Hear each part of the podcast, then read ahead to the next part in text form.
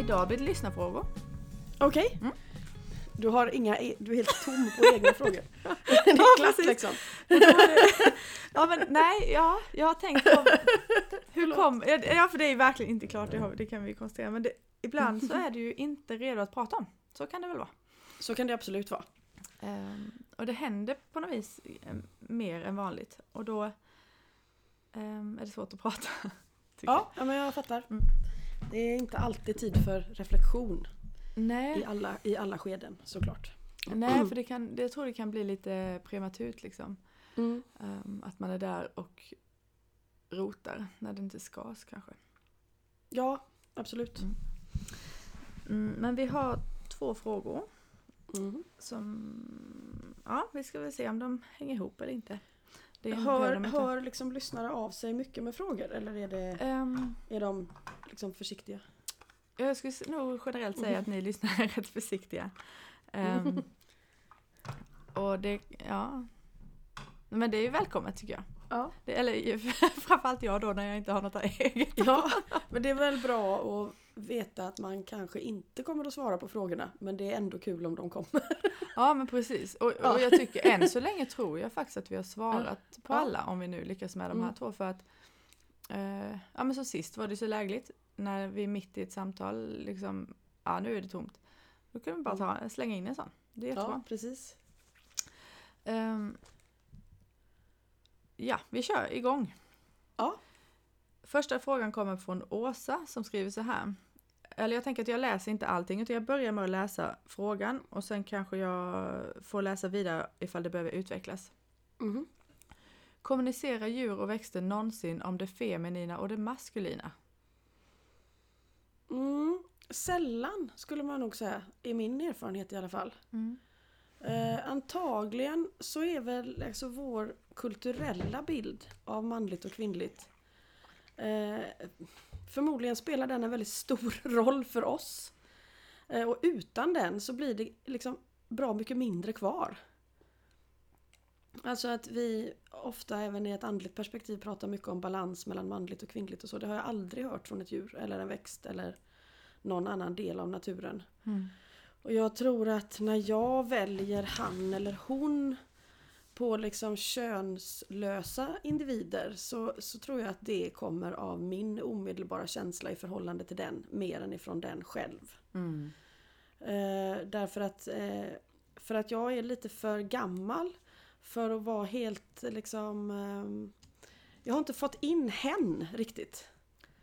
Eh, så, så att det liksom... eh, Ja det sitter inte, då, då fokuserar jag på, på hur det känns att säga det om du förstår. Eh, och då faller jag in i han eller hon, eh, tror jag.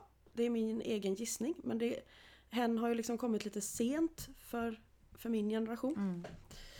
Eh, även om jag tycker att det är en väldigt bra idé. Vi behöver ett neutrum definitivt liksom, Absolut. för, att, för att komma ifrån det här. Tänker jag. Eh, men det verkar inte vara ett så viktigt ämne. Men, men det verkar vara väldigt viktigt för oss. Jag tänker att när ett barn föds så är liksom innan man frågar om den är frisk, liksom, är det en han eller hon? Eller om någon är gravid, liksom, vet om det är en han eller hon? Eh, så det spelar väldigt stor roll för oss, förstår jag. Men jag tänkte på det i ganska tidigt skede att hade jag tagit fram då när jag skrev ner alla samtal under många år men hade jag tagit fram en, eh, en journal och liksom strukit namnet eh, och strukit alla hon och han så hade jag väldigt sällan kunnat gissa om det var en han eller hon. Om det inte kommer såna här uppenbara ämnen som eh, födslar eller ja, annat som verkligen eh, förklarar att det är en han eller hon. Alltså hon verkar ju, Åsa verkar ju liksom delvis gå ifrån det här just han eller hon och prata mer om, Mm. jag ska se här om jag ska försöka få till det. Hon ser det som två polariteter, som energier eller beteendemönster hos människor och hur de samspelar i relationer och organisationer.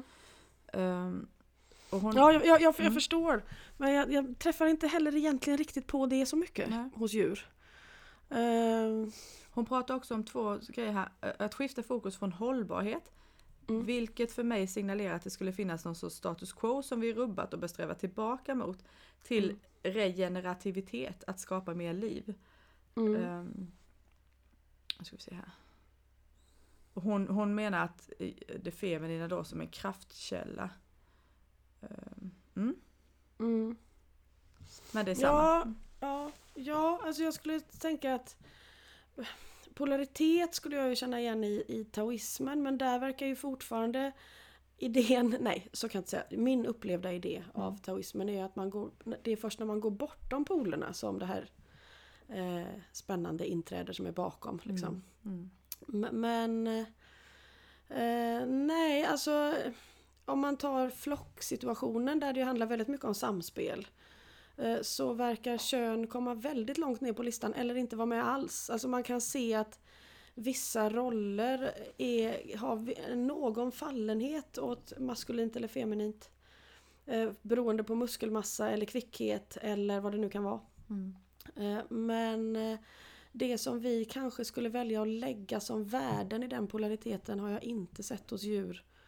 Och undantagen är så många att det fortfarande inte spelar någon roll. Liksom. Mm. Och de grupperar ju heller inte ihop sig i par skulle jag säga. Alltså vissa gör det.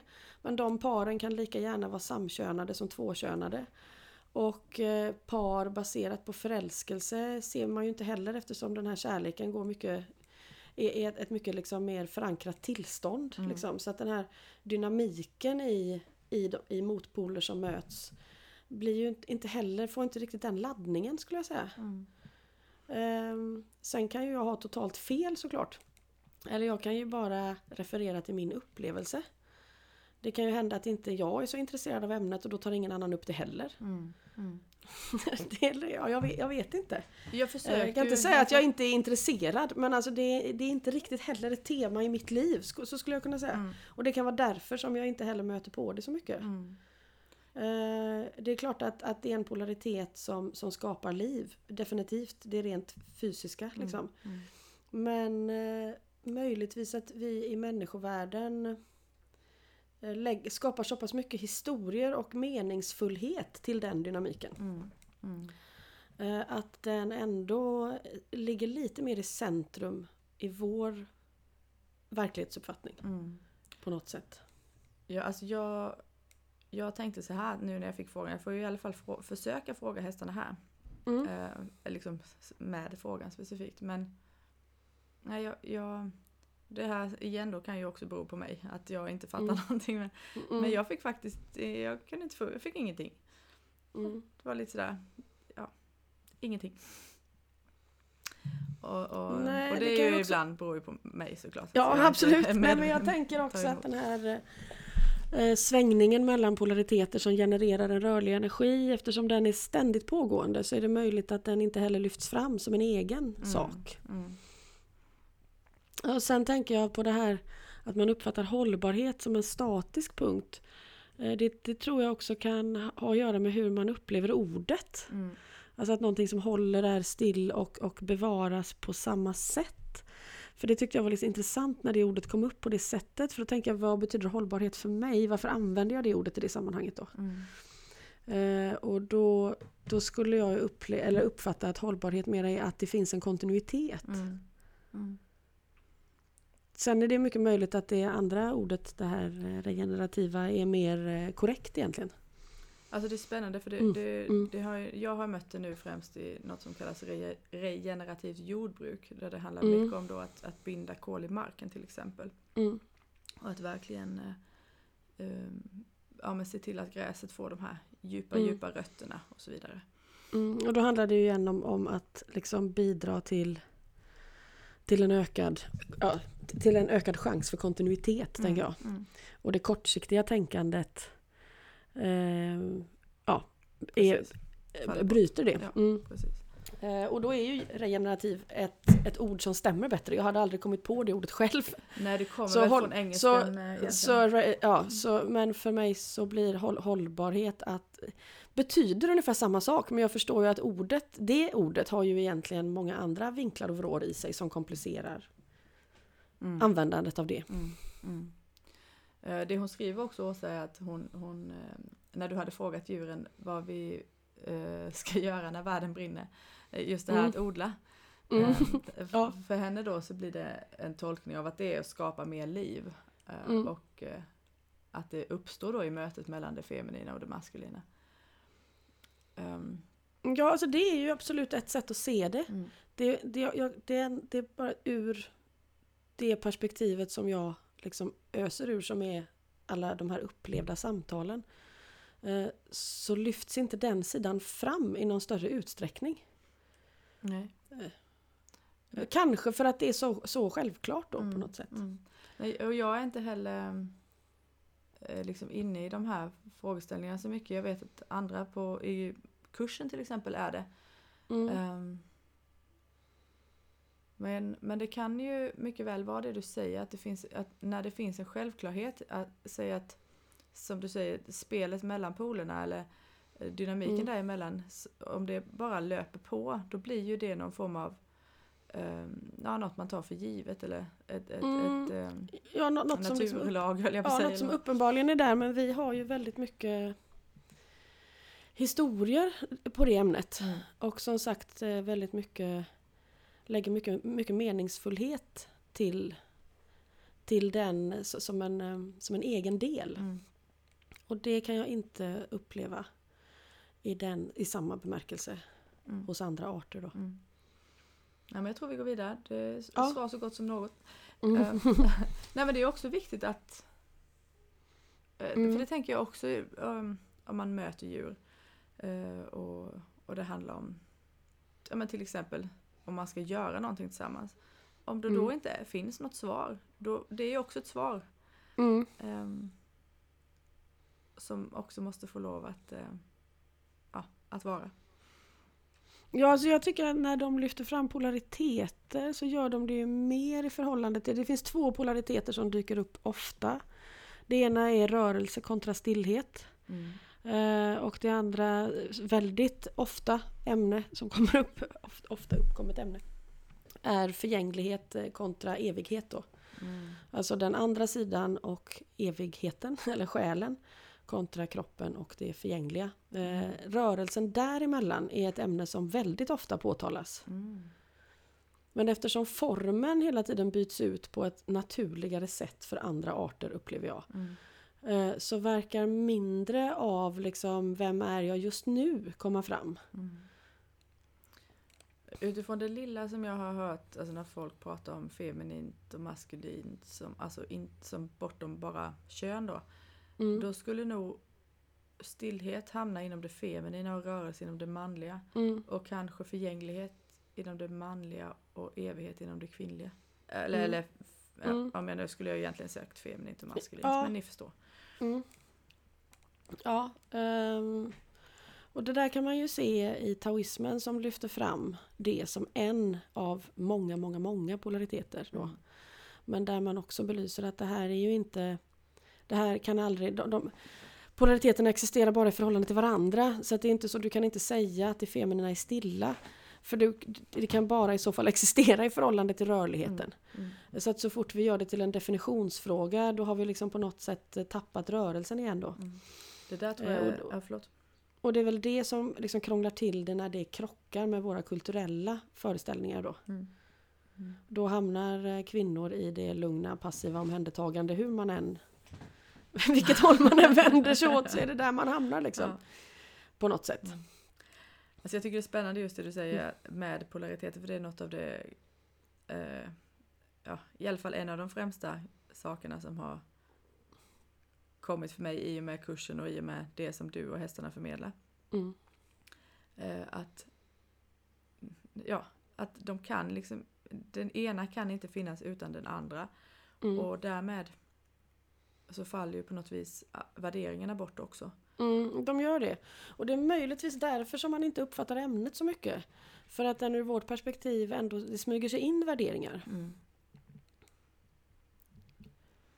Väldigt svårt att inte ha, ha det alls. Alltså en, Mm. värdering och en åsikt är inte samma sak. Jag håller ju inte med om mina värderingar Nej. Eh, Men jag utgår ändå ifrån liksom ett slags ramverk som jag bara ser liksom, ja, toppen av. Mm.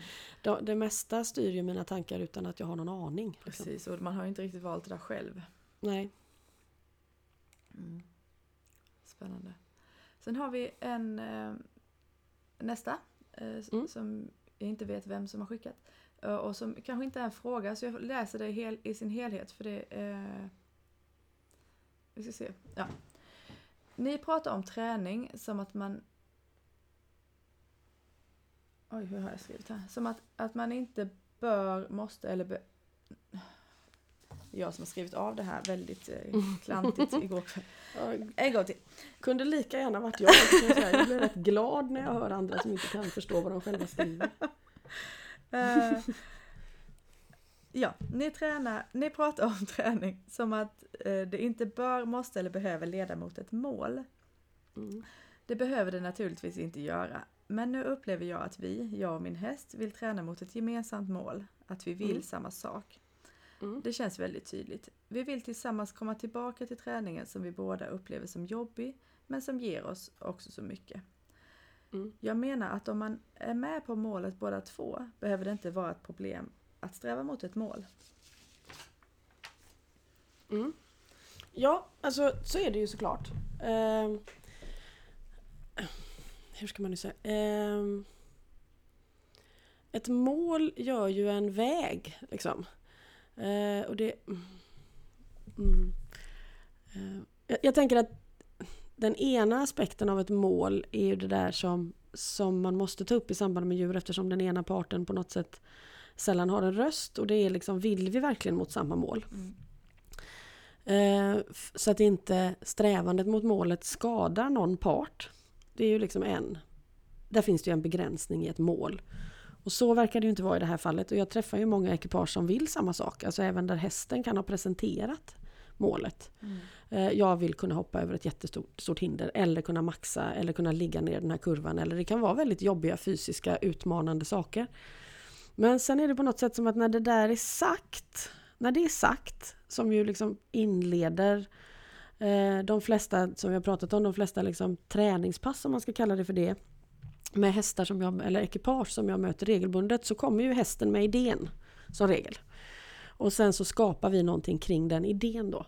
Och då är det på något sätt som att så fort man då påbörjar, sett ur det här perspektivet då, så fort man då påbörjar eh, övningen, eh, då löser målet upp sig. Eh, det är där målet behöver lösa upp sig. Mm. Om det är en, en MIO-baserad träning. Mm. Eh, därför att då från den punkten så skulle målet kunna bli liksom snäva in vägen. Mm. Eh, därför att jag är kanske liksom bara delvis inbegripen med antingen vad som faktiskt behövs för att nå det här målet. Som kanske inte bara är eh, teknisk perfektion eller liksom konditionsträning eller bra koncentration utan det kanske är något helt annat jag måste uppleva för att komma dit. Mm. Eh, och, och medan jag går så kommer ju liksom målet, så måste jag också tillåta målet att lösa upp sig om jag vill eh, om det, jag, och det skulle kunna vara ett mål i sig, men om jag verkligen vill ge upplevelsen så stort utrymme som möjligt. Mm. Och skulle jag vilja ge, skulle jag ha ett intresse av att lägga in en själslig aspekt av träningen, alltså att jag vill, jag vill eh, eh, växa själsligt i det här, liksom jag har en önskan eller längtan om det. Eh, då blir det svårt ju mer jag styr över vägen. Så att det är liksom hur man också tolkar begreppet väg och begreppet mål. Mm. Går det ens att styra men, över vägen? Men, men om man inte liksom krånglar till det på det här sättet utan man vill till exempel rida en distansritt eh, och båda tycker att det är jättekul. Och det finns eh, moment vi behöver göra för att, för att klara den distansritten så att vi kommer i mål med den, med den upplevelsen som vi båda längtar efter. Så kan ingen komma och säga att det är fel om det är med mutual consent från båda parter. Mm. Sen är det liksom, vill jag, vill jag göra något mer med den där upplevelsen? Är det någonting liksom det betyder inte att det är ytligt eller mindre betydelsefullt att man inte vill ha något mer. alltså, mm, mm. Det, det handlar ju också om att eh, uppleva eller uppskatta det. Men om, om träningen eller målet eller målsättningen eller insnävandet av vägen på något sätt börjar bli på bekostnad av andra värden. Då får man ju ett dilemma och ganska ofta blir det ju det. Mm. Mm. Eh, så det, det, är det ena. Men, men framförallt är det ju lite mer vad... Vill man ha in en själslig aspekt så behöver man lika mycket som man behöver hålla fokus behöver man släppa fokus. Mm. Mm. Så jag tror att det är där som liksom... Eh, det är väl kanske där du och jag ofta hamnar och då mm. låter det ibland som att vi mm. alltså, föreskriver det för andra, vilket ju inte är meningen. Ja, jag förstår ju vad Mio menar, tror jag, när han säger att man för att den här träningen ska vara möjlig så måste vi ta bort målet. Mm. Det har ju funnits ett mål med att komma dit för att man vill ju se så man vill ju uppleva någonting och man upprepar det där. Eh, och hästen har ju oftast en, en väldigt tydlig idé vad de vill eh, fokusera på under den stunden vi har. Och, och det är ju det som vi an, väljer att använda mm. som tema kan man säga. Så jag skulle säga att vi kanske då mer använder tema än vad vi använder mål. Mm. Alltså. Men sen kan det ju vara en häst som, som alltså det här att ridningen väldigt ofta, eller samvaron med hästar väldigt ofta inbegriper den här balansen mellan att släppa taget och att delta. Mm. Eh, och, i, och i släppa taget är då att jag accepterar att det tänkta målet löser upp sig när jag har påbörjat vägen. Eh, om om det är det som är, är det mest uppenbara. På något mm. sätt. Mm. Men jag accepterar också att om hästen kräver att jag råfokuserar och ger allt jag har till som blod, svett och tårar så är jag beredd att gå in och göra det också. Jag är också beredd att delta. Mm. Eh, oftast så har man ju liksom lite lättare för någon av de sidorna. Mm. Eh, och, och, båda in, liksom inbegriper sina egna utmaningar. Mm. Och den egentliga utmaningen till slut, apropå polariteter, då blir ju ofta att, att timingmässigt försöka liksom eh, inte missa chansen när den kommer. När ska jag vara där? När ska jag stå tillbaka? Mm. När ska jag liksom som en innovatör hålla rummet så att någonting kan uppstå av sig själv? Och när är det liksom handkraft som krävs? Det, ofta så har ju hästen lite mer eh, flöde i den sortens timing. Mm. Så att ju mer jag lyssnar på hästen ju större chans är det att jag själv hamnar på rätt plats. Mm. Det är bland annat därför jag tänker att det, är, det, är liksom, det finns all relevans i att hästen är den vägledande parten. Ja, alltså... det, är ganska, det är ganska sällan vi vet vad som är bäst för dem i jämförelse med hur ofta de ändå har koll på vad som är bäst för oss. Ja, eller hur? Mm. När jag satt med den här frågan igår så, så väckte det i mig eh, väldigt tydligt frågan om hur, hur jag ser på hästen. Om jag, mm. om jag verkligen ser på hästen som en individ liksom mig, um, då um, då hade jag haft väldigt svårt för att ha ett mål som inbegriper den om jag inte också är väldigt beredd att släppa det målet. Mm. Um, äv, alltså, ja men lite som du säger nu att även om det finns en, en upplevelse av att vi har ett gemensamt mål, om det målet från hästens sida skulle lösa upp sig, men det inte gör det från min sida, då eh, i alla fall i, i min upplevelse av, av vad vi gör så hade det varit problematiskt för mig. Mm. Ja, alltså omvänt kan också bli problematiskt. Att hästen håller kvar vid en längtan som människan helt enkelt inte möjligt, möjligtvis kan fullfölja. Mm. Mm. då kan ju inträffa saker som att eh, finns det någon annan person som skulle kunna möta hästen på det här planet? Mm. Och hur, eh, hur förhåller jag mig till det känslomässigt till exempel? Mm. Ja det tror jag också är väldigt relevant. Där har jag ju Santos nu som där, jag mm. måste ju hela tiden, är jag, vill jag vara med på det här tåget? Mm. till exempel. Eh, ja, och, och frågan, mm. frågan måste ju liksom besvaras ärligt. Han väntar sig ju det. Mm.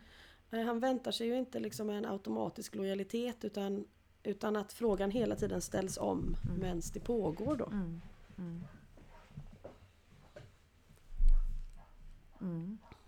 Problemet blir väl liksom om målfokuset eh, blir så starkt att det liksom tuggar förbi en massa saker som händer på vägen som inte blir relevanta eller att alltså, ja, när målet helgar medlen. Mm. Det är ju där mm. det blir eh, ett ordentligt problem. Mm. Och, och har man ett linjärt hierarkiskt tankesätt i förhållande till hästar så är den risken väldigt stor. Eh, eftersom vi, och därför blir ämnet också viktigt. Mm. Eh, att eh, ja, vi måste på något sätt känna att vi har avgått med segern eller slutat med en bra känsla. därför att eh, går det fel här så kanske, så kanske vi inte kan fortsätta. Liksom. Mm. Så att den utforskande aspekten där, det, där man tänker sig forskning att man inte har en idé om var, var, var utforskandet kommer att leda till. Eh, den aspekten är, är, mer sällan med i ett system där lydnad börjar spela stor roll. Mm. Och där det som uppfattas som bra i träningen helt enkelt blir när, när jag kan forma hästen eller när det jag vill går att liksom skapa på utsidan. Mm. Mm. Eh, och då blir ju jag som människa så nöjd att det absolut blir svårt för mig att tolka om den andra verkligen är det. Mm. Eller om min känsla har fyllt hela rummet. Ja, precis. Men, eh, du... Och, därför, och därför blir det så viktigt att, att liksom älta om det här. Mm. Vad kallar man det? Självrannsakan. Mm. Men du pratar om ja, det här icke-hierarkiska och eh, jag tror du sa någon form av långsiktighet. Vi, jag, har en, jag har ett Mm. samarbete nu med en, en vän, en kund, en, en, en tjej i alla fall. Eh, och vi eh, och det är väldigt spännande. Vi pratar mycket om, om ömsesidighet, även henne och mig eh, emellan, om man säger. Oss emellan. Mm. Och då skickade hon en, eh, en definition på det. Som, där det står långvariga relationer utan en på förhand känd slutpunkt genererar den ömsesidighet på vilket samarbete vilar. Mm. Ja, det tyckte jag var så fint. Det kommer från synonymer.se. Mm. Ja, det är jättefint. Ja. Och då tänker jag också lite på brevskrivarens fråga där. Är det så att de här två individerna verkligen har ett gemensamt mål eller har de ett gemensamt intresse? Mm. Alltså, Mm. eh, det finns också en skillnad däremellan. Eh, alltså har de en, en stark relation eh, som du beskriver och har ett gemensamt intresse så är det ju klart att man liksom sparrar, liksom är sparringspartners till varandra. Att kunna uppleva mer i det.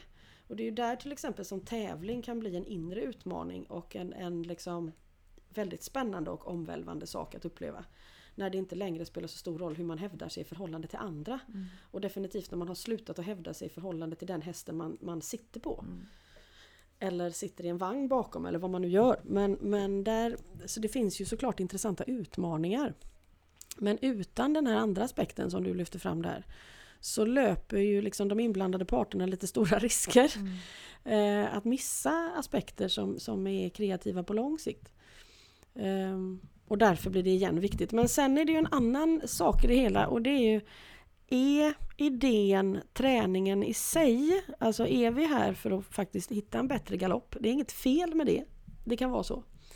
Eller liksom galopperar vi med galoppen som en slags täckmantel för att vi egentligen gör någonting helt annat? Och det är där som liksom Mio kommer in i bilden då. Eh, där hans idé med det här, där liksom en, en bättre ridupplevelse egentligen bara är någon slags bonuseffekt som han nog inte var speciellt brydd med. Utan han var ju mer intresserad av att utrymmet, alltså vad, finns, vad har vi för redskap för att skapa ett utrymme där själen kan manifesteras i kroppen till sin liksom fulla eh, kapacitet eller fulla rymd. Liksom. Den är ju ändlös inser man då och det är därför målet försvinner. Men, men, eh, där det för hans del då handlar om att förändra människans medvetande därför att, eh, apropå regeneration, Mm. eh, vi är så pass destruktiva att det ämnet eh, måste liksom klättra fram i... Eh, det är så viktigt. Mm. Eh, att, att det är viktigare än ridningen som sådan. Eh, och det, det kan ju ryttaren veta om eller inte veta om. Oftast när den här rymden skapas så upplever ryttaren en så stor skillnad i upplevelsen att det händer ändå. Alltså det är inte säkert att det ämnet behöver tas fram Mm. egentligen. Mm. Ja, det. Men, men, men det är ju liksom människans eh, eh, eventuella skadeverkningar på sin omgivning eh, som är så pass akuta helt enkelt. Att eh, eh, det, här, det här är en väg att möta det på. Mm. Att förändra vår, eh, vårt medvetande och vår tankevärld på ett sätt som i, i sin tur eh, förhoppningsvis kan bidra till att vända den här destruktiviteten. Mm. Och då kan man ju kalla det för ett mål naturligtvis. Ja, det, ja, det kan man göra. Framförallt är det väl kanske någonting då som många av oss inte vill missa chansen till. Mm. Men jag tycker också när jag läser hennes eh, fråga här, eller, eller hans, det vet jag inte. Mm. ehm, så handlar det ju faktiskt också om processen. Mm. eh, den här träningen som, som är jobbig men ger mycket. Mm. Och det, det vet vi ju inte på vilka plan. Nej, absolut inte. Och, och, det, och det jag tycker också poängen där är att eh, kan ju också bara vara att, att ibland kanske för en människa att man behöver ett mål för att ta sig ut och faktiskt uppleva någonting överhuvudtaget. Mm. Eller ja, en mål, en Ja. mål som en riktning i alla fall. Ja absolut. Och sen eh, Sen tänker jag att det ehm, Vi behöver ju och längtar efter ett händelseförlopp. Alltså jag tänker att om skillnaden mellan om man lever eller dör inte så mycket är om man lever eller dör som man först tror. Men att det mer handlar om huruvida man är i tiden eller ur tiden. Om det är det frågan är så, så är vi ju då i tiden och i tiden så rör sig ju saker i liksom någon form av kronologisk ordning. Vad man än har för förhållningssätt till tid så kan man ju ändå inte riktigt bortse från det. Det finns en skillnad mellan när jag liksom kokar kaffet, kaffet är klart och jag dricker det. Liksom. Det finns en följd. Ehm, sen att den är liksom förgänglig och löser upp sig medan den pågår och så. Det, det, det är ju ändå så att saker, saker händer. Och att skapa liksom ett, ett händelseverk runt sig i sin relation. Eh, det kan också vara ganska svårt att inte göra det. Ja, ska vi stå här och så tittar vi på varandra och så säger jag, det händer ingenting idag heller. Men så här, fast vi är väldigt intresserade av, av just det här. Alltså jag har en, en dressyrhäst som kommer komma på träning ikväll som kommer att vara stenhård. Alltså det, det, det kan man vänta sig för det har hon varit i alla år jag har känt henne. Hon kommer liksom dundra in i ridhuset, kasta på sig ryttaren, ha en väldigt bestämd åsikt, bli jättearg om inte ryttaren är redo. Eh, driva igenom ett pass där ryttaren ömsom gråter, svettas och sen är överlycklig. Eh, och sen är hon klar och då ska hon fan ut ur ridhuset också. Så att, liksom, eh, där, eh, hon får ju ut jättemycket av, av, av att liksom kräva ett maximalt fokus i händelseförloppet. Vi får inte missa en sekund liksom. Det ger mig väldigt mycket också.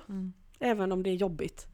Eh, Men då kan man säga att när hon är i, alltså de här punkterna, varför gör hon det här? Jo därför att hon, hon upplever att när hon får till allt det där och ryttaren är med, då lyfter de liksom, då, då lyfter de ur samma händelseförlopp som hon liksom går in i med den här enorma ambitionsnivån som just den här hästen har. Eh, och, och det är liksom det är full utrustning, det är, ja, allt, allt är där som man skulle kunna se på ett traditionellt pass. Liksom. Men, men uppstyrt av en häst. Så det är inte det att de inte kan önska sig det. Eh, men sen gör hon någonting annat, sen, sen tar hon det ett steg till. Liksom. Hon vill ju på något sätt att hon vill förbi sig själv. Och, och hon tänker göra det med den här personen och den får fan mig också göra det. Eh, och, och den här ryttaren är klar över det och har gått, hon har gått in med ett ja. Liksom. Hon, hon är väldigt tydlig, jag vill ha en utmaning. Det säger hon också, de passar jättebra ihop. Eh, Så så kan det se ut. Men de här punkterna när de svävar, där är målet borta, där är vägen plötsligt borta, där är inte tiden relevant längre. Duns landar man ner igen och så liksom Nej fan jag fick liksom bak skänken en centimeter för långt, det är dressyr det här. Eh, får börja om liksom, jag har tappat det. Nu har liksom hästen är arg, besviken, ja, minnen kommer upp, eh, andra liksom helt andra aspekter av ens egen otillräcklighet dyker, dyker fram och behöver då tas fram och ja, ibland skriker vi på varandra, det är väldigt intensivt. Men alla tre vet det när vi går in där att nu, nu kavlar vi upp ärmarna liksom. Nu, nu börjar det. Ja, det är spännande. Och jag vet ju inte om det är något sånt här som brevskrivaren upplever med sin häst. Jag har ingen aning. Men det är en aspekt av ämnet. Mm. Mm. Det, det får mig ändå att undra, hon, hon, har, hon tar det ett steg längre till, till att försöka få till möjligheten att, att allting lyfter, att, att det liksom Mm. faller isär eller vad man ska säga. Men kan, kan det liksom vara ett mål eller är det omöjligt att ha det som mål för att då försvinner det av sig självt? Ja, jag tror att det är omöjligt att ha det som mål därför att fokuset kommer att minska rummet. Men vad hon gör är ju att hon lägger råfokus på allting runt omkring. Mm. Alltså hon, hon lägger ju en så starkt fokus på definitionen att när hon har fulländat definitionen, då löser den upp sig. Mm. Andningen är rätt, skänken är rätt, tygen är rätt, tempot är rätt, energin är rätt, vändningen är Där kanske det händer. Mm. Liksom. Mm. Och det, det, är inte, det är inte perfektion i bemärkelsen eh, prestation. Mm. Eh, eller en självdisciplin som blir straffande. Utan det finns en, det finns en exakthet i det där. Eh, som också kan vara en, en andlig väg. Mm. Som såklart lätt kan slå över i någonting annat. Att man blir asketisk, självbestraffande, nitisk, dömande. Allt det finns ju som en risk där. Mm. Eh, som ju finns på alla vägar. Ja. Men jag tänker att har man blandat in en häst i leken med den höga graden av självmedvetenhet så, så har man ju väldigt mycket hjälp. Mm. En annan gång kunde hon inte ha sitt pass för att hon var upprörd över en annan häst i stallet som inte mådde bra. Hon var så upprörd så att det, ja, det, vi fick avbryta allting och så fick vi liksom leta fram, vem är den här hästen, vad vill den? Ja, det blev jättebra. Den hästen eh, startade upp ett eget liksom, träningspass i sitt stall. Ja, Mm. det gick jättebra. Mm. Men då var, då var fokus där istället. Liksom. Ja precis, och då var alla öppna för det. Ja, då var alla öppna för det. Mm. Mm. Så det är inte det att, att, att man behöver vara viljelös. Men det är också sådär, är den här vilje, uttrycket för vilja, är det en kraft som sköljer igenom mig som är till alltings bästa? Eh, Eller är det egot som gapar som en liten unge Mm. över vad jag vill ha liksom? Mm. Det, där, det där tycker jag är en väldigt bra distinktion. Därför Mm. att, därför att ja, det, det kan å ena sidan vara lätt att tro att, man, att, att det skulle vara bättre att vara viljelös. Men hur man än skrapar och gräver på den ytan eller djupet så, så kommer Mm. man ju hitta någon form av vilja. Och, Mm. och om det då om man då ändå kan se, är det här egot och eh, liksom eh, behov av ära och berömmelse Mm. eller, eller är det en djupare längtan? Mm. Ehm, Och oftast är ju, ja, det som vi, vi vet är att det oftast är en mix. Eh, och att det kan vara otroligt svårt att bena ut vad som är vad därför att det ser exakt likadant ut. mm. Ja. Och då, då är, tycker jag det är bra med de här, eh, då är det bra när man inemellanåt får de här väldigt raka hästarna vält över sig. Som har koll på det där. Mm. Nu är du fel ute, nu åker du av. Mm. Eller så det är sådär. Mm. Ja. Mm. Eh, Det är bra med de som eh, har en väldigt hög kompromisslöshet. Det hade blivit besvärligt om det bara var så. Mm. Det här fokuset, vi, vi klarar ungefär 30 minuter i det tillståndet alla parter. Eh, me- Men det, vad det gäller den här hästen som jag tänker på nu. Mm. Det behövs annat också såklart i ens liv. Mm. Men det är väldigt bra att de är där och petar i en liksom. Mm. Alltså det här, eh, ja, jag får, får jag ta upp Santos igen då, men det var bara för att jag jag har försökt fråga honom igen då, hur, hur kan jag förstå den här längtan som vi har uppfattat om att uppleva frihet tillsammans med människor? Och jag ser ju, jag ser ju alltid bara den här galoppen med människor på ryggen. Mm. Så vi har frågat, men okej vad är det egentligen i detta? Vad är det jag ser? Mm. Mm. Och så var jag så här, är det, springer du ifrån människan på ryggen som om det var liksom en, en bergs, eh, ett bergslejon som sitter där och klamrar sig fast? Mm. Eller springer ni tillsammans? Mm. Och, och det enda jag får där är just att, eh, att det är precis på den linjen som vi ständigt kommer Mm. balansera. Ehm, och det är ju sjukt spännande eh, och, och eh, också skrämmande. Jag har bett om lite Ja. mer vingelmål kan jag säga. Mm. Jo men jag tänker att för många individer, eh, och det gäller ju även människor, och det är samma igen då, det kan lika gärna vara flykt, självbedrägeri och adrenalinmissbruk. Eh, Men det kan också vara inte något av det, därför att på något sätt på, på den där gränsen eller på den där kanten så blir många saker väldigt uppenbara på något sätt. Det blir som en slags eh, intensifiering av li- livsupplevelsen. Mm. Eh, och, och det kan man, man kan längta efter det utan att behöva ha någon annan anledning än den. Alltså jag lever och jag vill ta vara på min möjlighet att uppleva det fullt ut. Mm. Och för vissa individer så sker det på den kanten.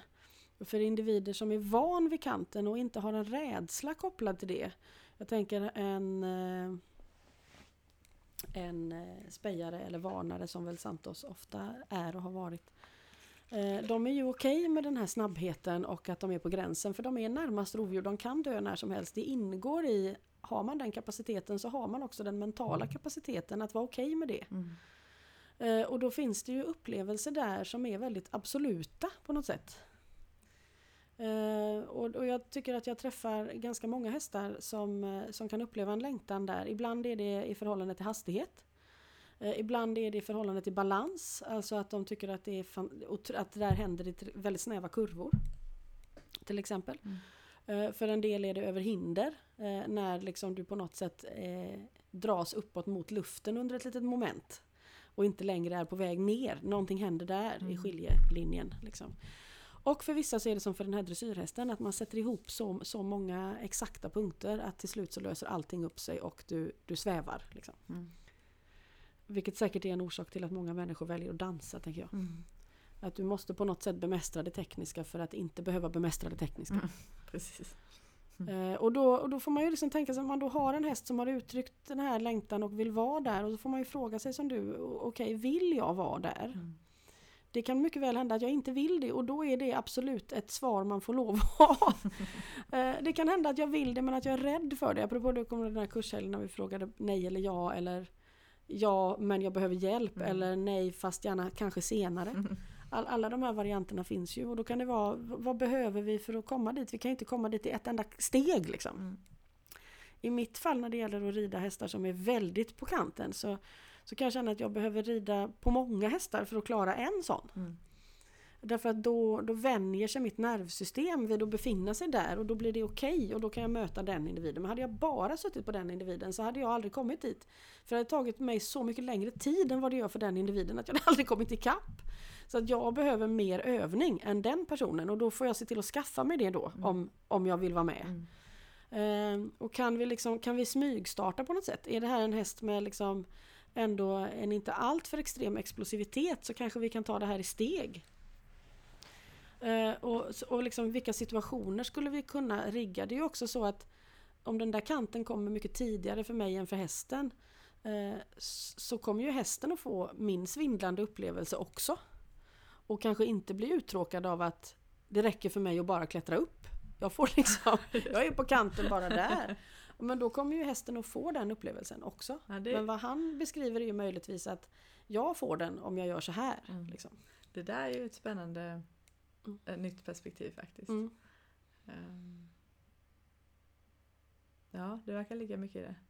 Ja, på kul. något sätt så verkar det ju som att vi behöver då gå till kanten av vår bekvämlighetszon. Eh, men inte om det blir inte om det får ett egenvärde. Nej, Då precis. hamnar vi i något slags machokomplex mm. istället. Mm. Mm. Ja det, men det där är ju två helt olika saker såklart. Mm. Och samtidigt precis nära. Men, men eh, eh, det finns ju någonting i att utmana sig att gå dit så att det inte blir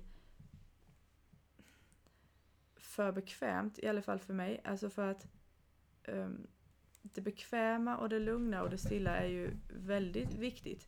Men, men om det bara är det så tappar ju det också sin ja, eh, sin särart eller ja, vad man nu ska ja, säga. Absolut, jag tänker att det är lite därför hästarna har de här flytande rollerna. Liksom.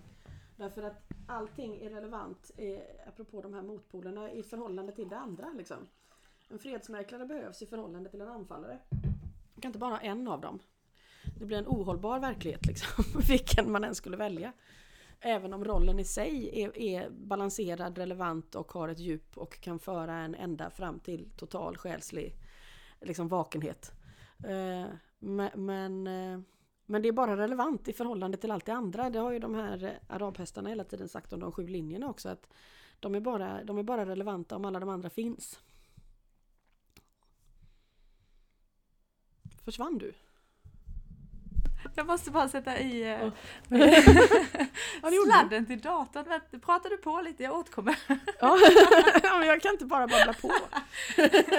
När ingen är där. Nej, vänta lite då. Mm.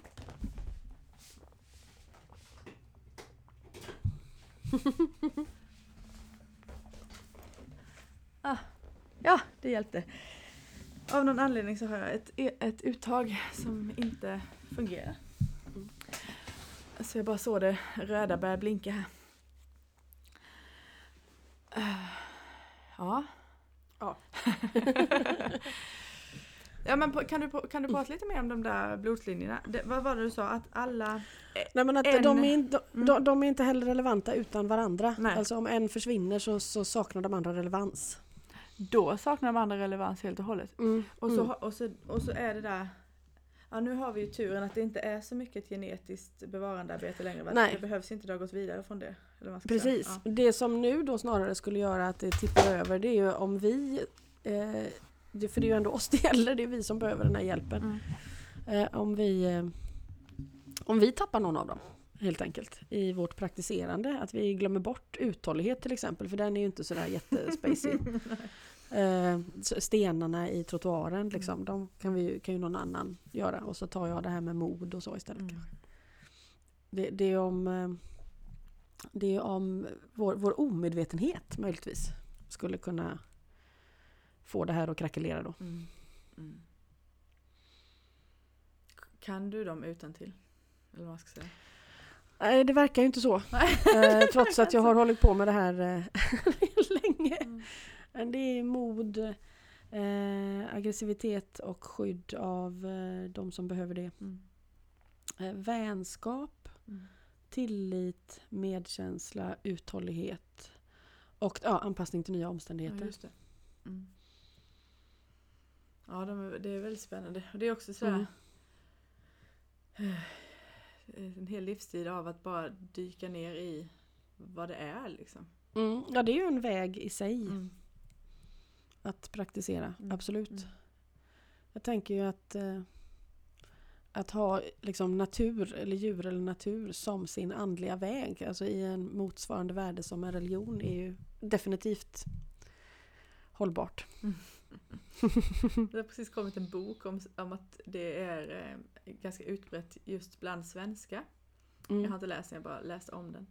Att vi, när vi eh, som folk, eller vad man ska säga, vi använder oftast väldigt alltså, termer och begrepp som annars är ganska religiöst betingade när vi beskriver mm. vår upplevelse av att vara i eller med naturen.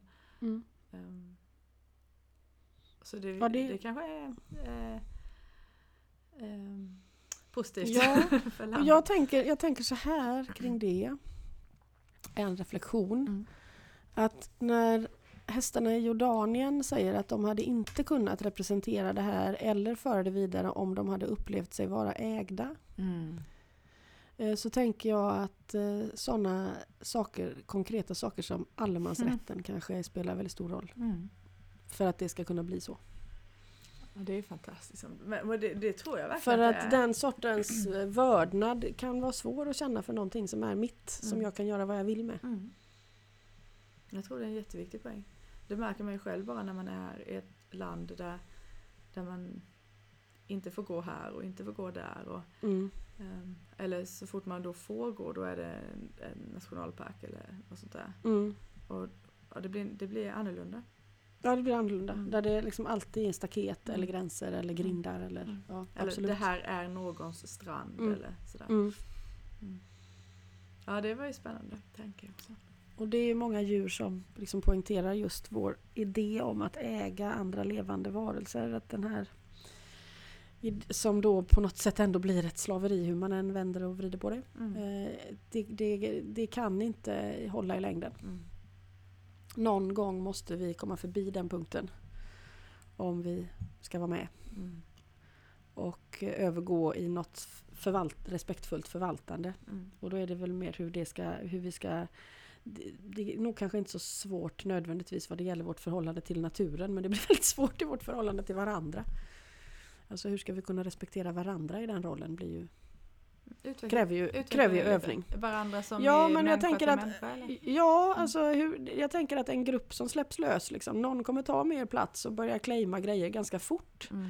Och det blir svårare för någon annan. Ja, mm. Hur ska vi kunna balansera det, det omhändertagandet med varandra? Liksom? Mm. Ja precis. Kommer, mm. I en övergångsperiod kan man ju tänka sig att det kommer krävas äganderätt men, men eh, att det då övergår till att man ändå förvaltar just den biten mm. på något vis kanske. Ja, det, det, kommer ju krävas väldigt mycket bryggor och mm. broar för mm. att inte hamna i att någon tomte ändå trycker ner alla de andra. Mm. Eller vet vad som är rätt och fel och sådär. Det, det, det, tar ju tid men jag kan förstå också idén att du är min. Mm. Eh, inte, det, det, blir inte bra. Nej, precis. Men du, det, eh, åh, vi har pratat om det här innan på, i, någonstans. Just det här i hur om man får till det är svårt att prata om, man kan inte säga få till. Men om, ja, visst, nu säger jag de ord som dyker upp för att försöka beskriva vad jag är ute efter. Mm. Eh, om man får till det här icke-hierarkiska eh, då då pratade vi också om att, att, att, det här, att det, den typen av tomtar som kommer in och roffar åt sig, att, att det Mm. liksom faller bort. Ja. Men eh, jag kommer inte ihåg. Kan, Mm. Kommer du ihåg och kan utveckla det? Ja, alltså det faller ju bort av, av att systemet inte liksom rymmer det. Mm. Samtidigt skulle någon börja roffa åt sig så faller ju det systemet. Eh, om man ska säga att, att the clash between dominance and coexistence Mm. där dominance alltid avgår med den omedelbara segern men alltid förlorar i längden. Ja, Så-. Eh, eh, så är det ju att när man rör sig däremellan så är det, ja, det är riktiga prövningar som kommer då. Eh, och jätteutvecklande också såklart. Mm. För man får ju väldigt många gånger plocka ihop bitarna och börja om. Liksom. Men the clash between dominance and coexistence, eh, det säger du på engelska för att du fick det från Jordanien? Ja, eller? Eller ja för att jag fick det från stallchefen där. Mhm, När vi hade en, en mellanmänsklig konflikt. Mm. Eh, och för honom är då dominans eh, den hierarkiska ordningen Mm. och coexistence är det som han då anser vara motsatsen till det. Och som han ur sitt religiösa perspektiv också upplever att religionen mynnar i. Vilken religion och vilken väg man än går så hamnar man där Mm. på något sätt. I coexistence. Som det enda möjliga. Om, eh, om det gudomliga finns i allt och är allt och har skapat allt så, så, så är ju samexistens det enda som rimligtvis kan bestå. Det är ju det som hela tiden ändå händer. Liksom. Men eh, så är det vår förmåga att, att leva i det tillståndet. Och där tänker jag att en väldigt viktig aspekt är att acceptera förgänglighet. Ehm, Att eh, ja, jag kan äga det här huset på pappret och den här gården och den här hästen. Och, men jag kan när som helst dö, gården kan brinna upp, hästen kan bryta benet. Eh, Jag måste sluta liksom, eh, hänga mig fast i att jag är säker på grund av, av den här att jag kan ha en claim på någonting. Mm. Jag, jag, alltså jag äger inte min kropp. Mm. Det blir väldigt svårt om jag tänker mig att jag ska liksom styra upp världen hela tiden utifrån det. Mm. Men då kommer ju en massa känslor liksom. Eh, och, och jag kan ju hålla de här känslorna i schack genom att styra upp förgängligheten. Här kommer det här Genom- status quo i frågan. Mm. Ja, och, och identiteten och... Ja. Mm. Mm. Eh, och då, då kan jag liksom andas ut lite. Då vet jag att ja, men ingen kan köra ut mig ur det här huset för det är faktiskt mitt. Jag har, jag, vi har gift oss, han har faktiskt lovat att stanna kvar. Mm. Det, nu har jag ett kontrakt på hästen så den, det, nu kan ingen komma och ta den. Nu vågar jag nog eh, liksom öppna upp för den här individen då Mm. kanske. Mm. Och om jag inte gör det, och då, då tänker jag på min vän Espen där som dog förra sommaren. Som på sin dödsbädd eh, fick frågan av sin fru Vilken av alla dina hästar eh, har betytt mest för dig? Och så börjar han rabbla upp eh, lite olika och sen sådär, nej alltså det går inte. Den hästen som står framför mig just nu är alltid den jag älskar mest. Mm. Om man verkligen fördjupar sig i den meningen och gör eh, där kärleken... Och det här grundar han sig på att han hela sitt liv har varit, eh, var en väldigt skicklig ryttare som aldrig hade några ekonomiska resurser att ha en egen häst. Så att han red sponsrade hästar hela sitt liv. Mm. Eh, som presterade ihop med honom tack vare deras vänskap i ett system som hela tiden utnyttjade det till sin fördel och därmed sålde hästen för en massa pengar som han egentligen aldrig fick ta någon del av heller. Mm. Eh, och han behövde hitta ett förhållningssätt, tror jag. Mm. Och han lyckades ju inom de ramarna och, och göra det. Mm. Och det har jag en beundran för. För det är en känslomässig utmaning på riktigt. Mm. Ja, att vara kvar Eh, i systemet mm. och bara förhålla sig till det. Ja. På ett, på Och ett en- produktivt sätt och Ja, ändå, mö- ändå möta den hästen fullt ut. Mm. Med vetskapen om att vi kommer att förlora varandra och gå in där. Mm. Liksom. Mm. Men det är ju det vi ändå gör. Bara att vi liksom tänker inte på det. Vi tänker inte på det. Nej. Vi låtsas Eh, att vi kan låta bli. ja. Mm. Precis. Och då tänker jag också som Fanny nämner en del att om vi inte längre, problemet är liksom inte allt negativt vi har, problemet är vårt sätt att se på kärlek. Liksom. Att vi har bundit den Mm. på ett personligt plan. Mm. Jag behöver dig för att kunna känna den här känslan. Mm. Om det inte är så, om den känslan kan, vara, kan upplevas i förhållande till vad som helst. Eh, så kommer jag fortfarande att känna all smärta som jag gör nu.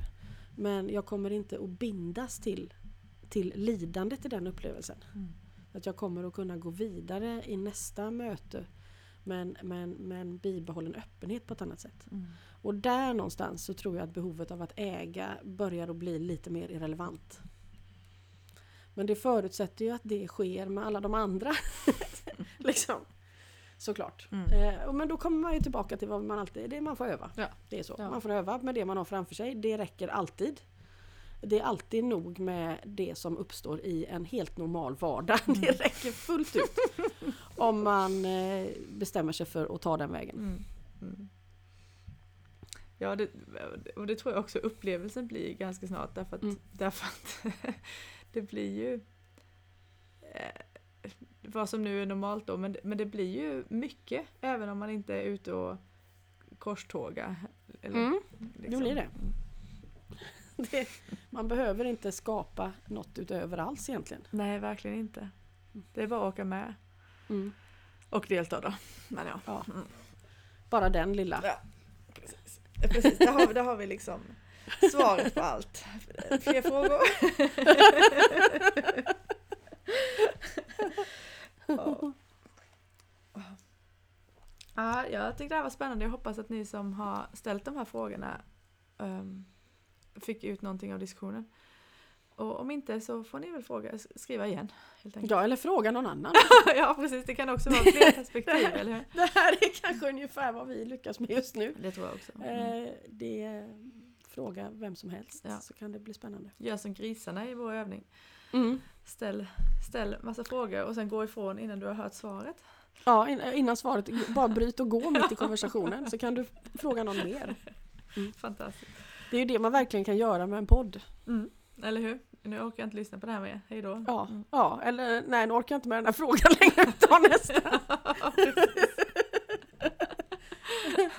nu har vi inget Nej men sen, sen är det ju bra med de här frågorna som, som man inte, som är lite främmande eller inte är så kanske eh, tydliga för en själv. För de, det där kommer ju liksom åka med då efter podden tänker jag. Ja men Kommer precis. Det, öppnar ju rummet det- för oss ja, ytterligare. det gör det. Jättekul. Så, så att det är ju igen det där att det kanske inte är så väsentligt vad som händer i vårt talade försök till ett svar. Nej. Men nu, nu lever frågan rövare liksom, i medvetandet. Så bara, bara beware Mm. om ett halvår, då kan det hända att det dyker upp igen Ja, precis. i poddform. Ja. Ja. ja, jättekul. Tack för idag då. ja, tack.